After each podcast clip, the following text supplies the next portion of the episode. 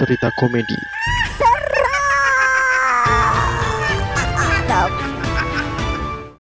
Kembali lagi di Sisi Sadar bersama saya Rizka Farah. Bersama saya Sena yang saat ini lagi naikin layangan tapi ternyata disangkut sama kuntilanak. Pengen bikin podcast seperti kita. Download Anchor dong. Enggak ribet. Waduh. Dia juga main layangan gitu. Atau dia lagi terbang. lagi terbang adu mekanik kita. Iya kan? Susah ya. Mungkin itu bisa diterapin kalau misal mau ngelawan kuyang yang lagi terbang, Bro. Bener. Benang layangan kan pedes-pedes kan dia kayak Kenapa? yang ini tajam-tajam itu. Bentar. Bentar. Sangkutin, Bro. Bentar, bentar, gua mau lurusin dulu. Benang yang pedas tuh kayak gimana bangsa? Aji, Enggak. dipegang, Maksud dipegang ini level 10 tapi ada dong level-levelan anjir benang apa namanya benang layangan tuh yang buat aduan. Emang iya, kayak bon cabe bangsat. Iya serius. Semakin levelnya tinggi dia semakin tebel dan tajam gitu. Oh, iya ya, gua nggak pernah. Udah lama gua nggak pernah main layangan. Iya makin mahal dia. Lu kayak sering ini ya, apa nge ngetes uji kekerasan dan ketajaman benang benang ini ya, benang gelasan kali ya. Gue gak bisa main layangan bro, sumpah. Ah, Taib. Sumpah gue tuh cuman ngeliatin kalau dia temen gue udah apa udah ini ya nerbangin gitu. Nah gue baru tuh bisa pegang tuh. Cuman Ah, pegangnya aja gue gak bisa nerbangin sumpah. Katro bener. hidup lu cupu. Hidup lu cupu jalah. Ya nggak apa-apa lah. Oke, Oke oke. malam hari ini seperti biasa, seperti biasa kita akan menceritakan kembali di Mencakam karena setiap cerita misteri, Pasti ada celah untuk berkomedi. hehehe, Teman-teman nih kagak bosen apa gitu ya dengerin podcast-podcast horor yang nanti ceritanya begitu-begitu. benar. Padahal ah, di situ tuh ada celah-celah di mana itu tuh hal-hal yang tidak menakutkan gitu loh. Hal-hal lucu mungkin. Benar, ada hal Begitu lucu ya. cuy. Yang sebenarnya kita kalau dipikir logis gitu, kayaknya nih nggak benar gitu kan. Iya. Jadi teman-teman nih mending ini deh dengerin sisi sadar deh. Iya dong. Ya kalau dia udah ngedengerin kita podcastan berarti udah ngedenger bangsa. Ya nggak apa-apa. Mungkin kan dia bisa nge-share ke teman-temannya yang suka apa Oh, podcast iya, podcast horor-horor itu, Bro. Nih ada podcast nih lucu itu, serem tapi lucu, guys. Ini ya harus di share ke teman-teman kalian, keluarga kalian, ke WA keluarga kalian, WA kantor, WA apa pun, WA grup LG. Oh, Anjir. bukan. Gak usah bahas itu deh, gue males banget Lu ada, ada grup itu kan? Kemarin ada kan ditangkap grup L itu Emang iya gue nggak tahu tuh beritanya. Tuh emang kenapa? yang enggak us- enggak enggak kita lanjut ya enggak lanjut.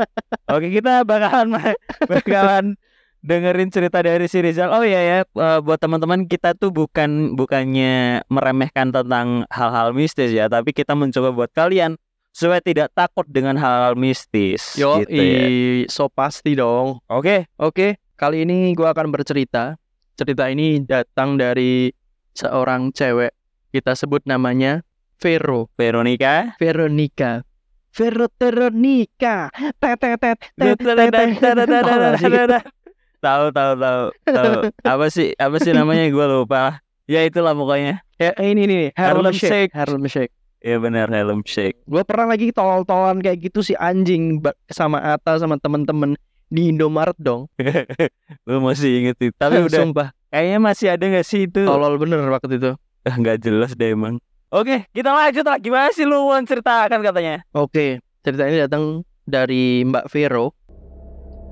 Jadi ceritanya waktu itu kejadian itu terjadi ketika dia berusia 8 tahun. Si kecil ya. Ya masih kecil. Vero kecil ini eh, memiliki sahabat bernama kita sebut namanya Lukman. Lokman. Lukman aja. Dia punya sahabat kecil namanya Lukman. Lukman ini cowok. Jadi mereka tinggal di desa yang tak sama, tetangga gitu. Oke. Jadi oke. saking akrabnya si Vero kecil ini dengan Lukman, si Vero ini sering sekali pap tete. Eh, enggak, enggak. Gua kira pep, pap tete gitu. Tete tete tete tete tete tete itu maksudnya ada kan ada jeduk-jeduk di TikTok. lu ngebayangin anak 8 tahun ngapain dia pap tete anjing sumpah nih orang lah kan cabul katanya- cabul bener nih orang cabul enggak Enggak, enggak. Katanya kan dia akrab, akrab banget. Saking akrabnya Ya akrab tapi kan 8 tahun anjing. Ya kan gak masalah masih anak masih 8 tahun kan. Anjing nih orang. Pedofil nih orang udah jelas nih pedofil nih pasti. Enggak, enggak, bukan. Bukan, bukan. Oke, lanjut lanjut lanjut. Nah, si Vero kecil ini sering sekali menginap di rumah si Lukman, di mana eh, kedua orang tua Lukman ini seperti menganggap si Vero ini kayak anaknya sendiri gitu. Jadi seminggu itu bisa sampai tiga kali dia nginap di rumah si Lukman ini.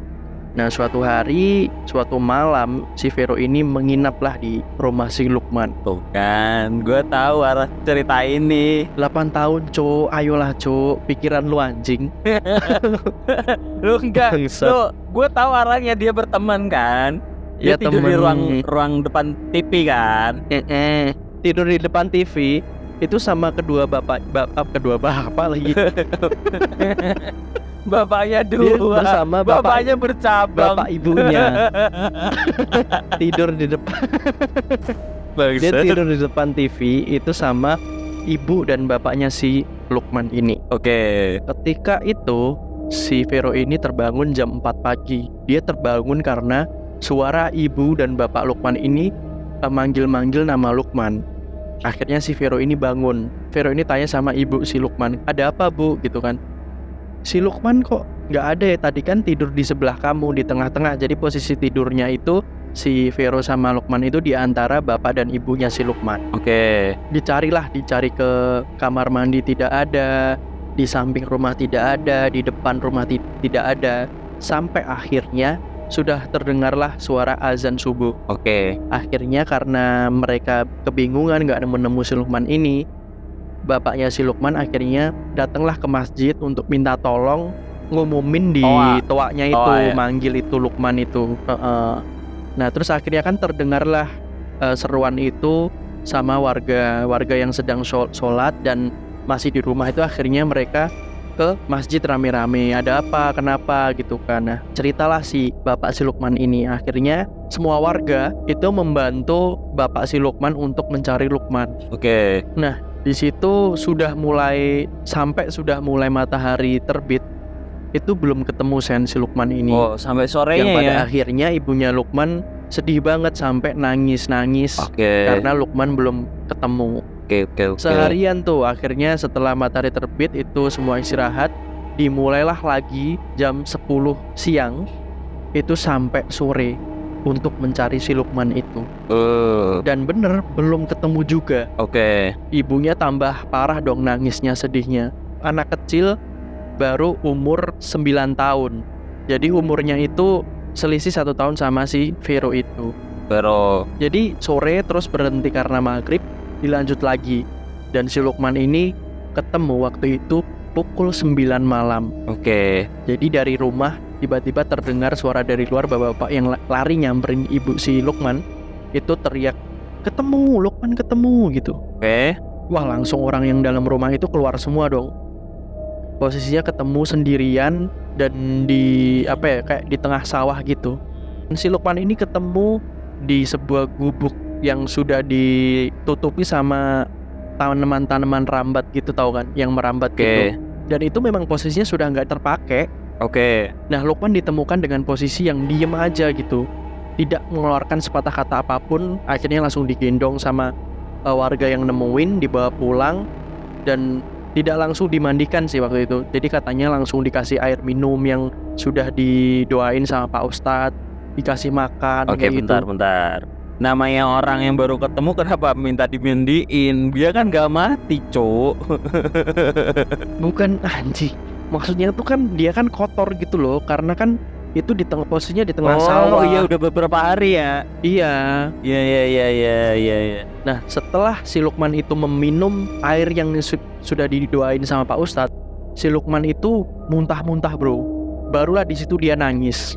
Oke. Barulah di situ dia nangis. Waduh. Lalu Pak Ustadz baru berani menanyakan ke Bapak Lukman ini, sebenarnya apa yang terjadi ketika si Lukman itu hilang gitu.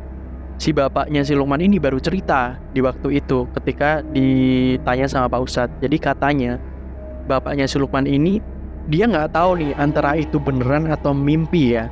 Jadi ceritanya di situasi itu Oke. ada sosok tinggi, tubuhnya dipenuhi bulu, itu masuk ke dalam rumah melalui pintu. Posisinya bapaknya si Lukman ini tuh ngelihat tapi dia itu kayak kaku gitu saya nggak bisa gerak dan dia teriak-teriak mau ngebangunin istrinya tapi suaranya tuh nggak keluar. Oke. Tapi apa di situasi itu dia dia juga tidak melihat bahwa si Lukman ini apa ya keluar atau diambil atau gimana tuh enggak ada mimpinya itu selesai ketika si sosok itu masuk terus ya udah gitu tiba-tiba dia terbangun melihat si Lukman ini nggak ada di sebelahnya Oke. nah itu kan nah terus setelah itu setelah si Lukman dia bisa diajak ngobrol setelah muntah-muntah itu tadi ditanyain lah sama Pak Ustadz kurang lebih percakapannya seperti ini kamu dari mana dicari seharian kok tidak pulang kamu ngapain ke tempat itu Saya diajak main orang, Pak. Diajak siapa? Kenapa kamu mau? Memangnya kamu kenal sama orang itu? Orangnya bisa terbang. Saya diajak terbang waktu itu. Terus saya dikasih makan dan enak sekali. Orangnya ganteng, putih. Dia laki-laki tapi rambutnya panjang dan gak ada ininya nunjuk tumit. Bisa terbang? Apakah dia itu angkling dharma? bisa jadi, bisa jadi, bisa jadi, bisa jadi, bisa jadi, bisa jadi. Nah ini, ini skripnya cuma sampai di situ anjing. Gimana sih? Kenapa ada skrip dadakan? Improvisasi dong. Oh gitu. Nah, gua kaku aja di mana itu tuh skripnya. anjing. Itulah yang diceritakan sama si Lukman kecil ini. Si Lukman ini bercerita kalau dia juga dikasih makan katanya. Makanannya enak banget katanya. Entah itu dari apa, tapi si Lukman ini bilangnya kayak wah bener-bener makanan lezat gitu kan. Terus ada salah satu warga yang yang ikut menemukan si Lukman ini bilang, "Waduh, Pak Ustadz, tadi tuh saya di sana melihat banyak banget belatung di atas daun pohon yang merambat itu gitu." Kaget dong semua warga. Katanya kan kalau misal orang dibawa, anak dibawa kayak gitu-gitu kan, dia dikasih makannya barang-barang kayak gitu, Bro. Oh, maksudnya barang-barang kayu jati gitu. Bukan kayu anjing. lah, lah kan tadi ketemunya di pohon itu kan. Belatung, Cuk. Oh, belatungnya. Lalu bilangnya Belatungnya. dikasih Iya. gituan. Gue pikirnya dikasih dikasih pohon jati, dicemilin. Tapi ulet pohon jati kan dia bisa ada yang makan kan, diolah gitu kan. ada ada ada bisa bisa. Tapi diolah, nggak mentah-mentah. Ya di Ta- di Thailand di Thailand tuh banyak tuh yang kayak gitu-gitu tuh. Ceritanya begitu kan. Akhirnya warga juga heran. Karena memang nggak logis ya kenapa nih anak kecil bisa sampai ke gubuk itu gitu loh yang di mana gubuk itu sudah tidak digunakan dan jaraknya memang lumayan jauh kan dari rumah si Lukman ini gitu. Iya juga sih ya. Ya begitulah ceritanya guys. Ini biasa di tempat-tempat di desa gitu ya cerita-cerita kayak gini ya. Benar, kan? benar. Dulu sering kayak gitu. Biasanya dicariin pakai ini nih alat-alat kentungan gitu. Kalau enggak alat-alat masak gitu, kayak panci terus diketok-ketok gitu. Buat berisik gitu kan. Iya, Sama orang-orang takbir. bisa bisa. Lu kayak ini sih apa namanya? Sempat ada filmnya kalau nggak salah nih kayak gitu tuh. Apa? Jasa penghilang anak keliling. ada ya? Ada kan? Ada kan? Gak ada lah, anjing. Ngaco bener nih Oh orang. nggak ada, nggak ada ya, nggak ada ya. Oh,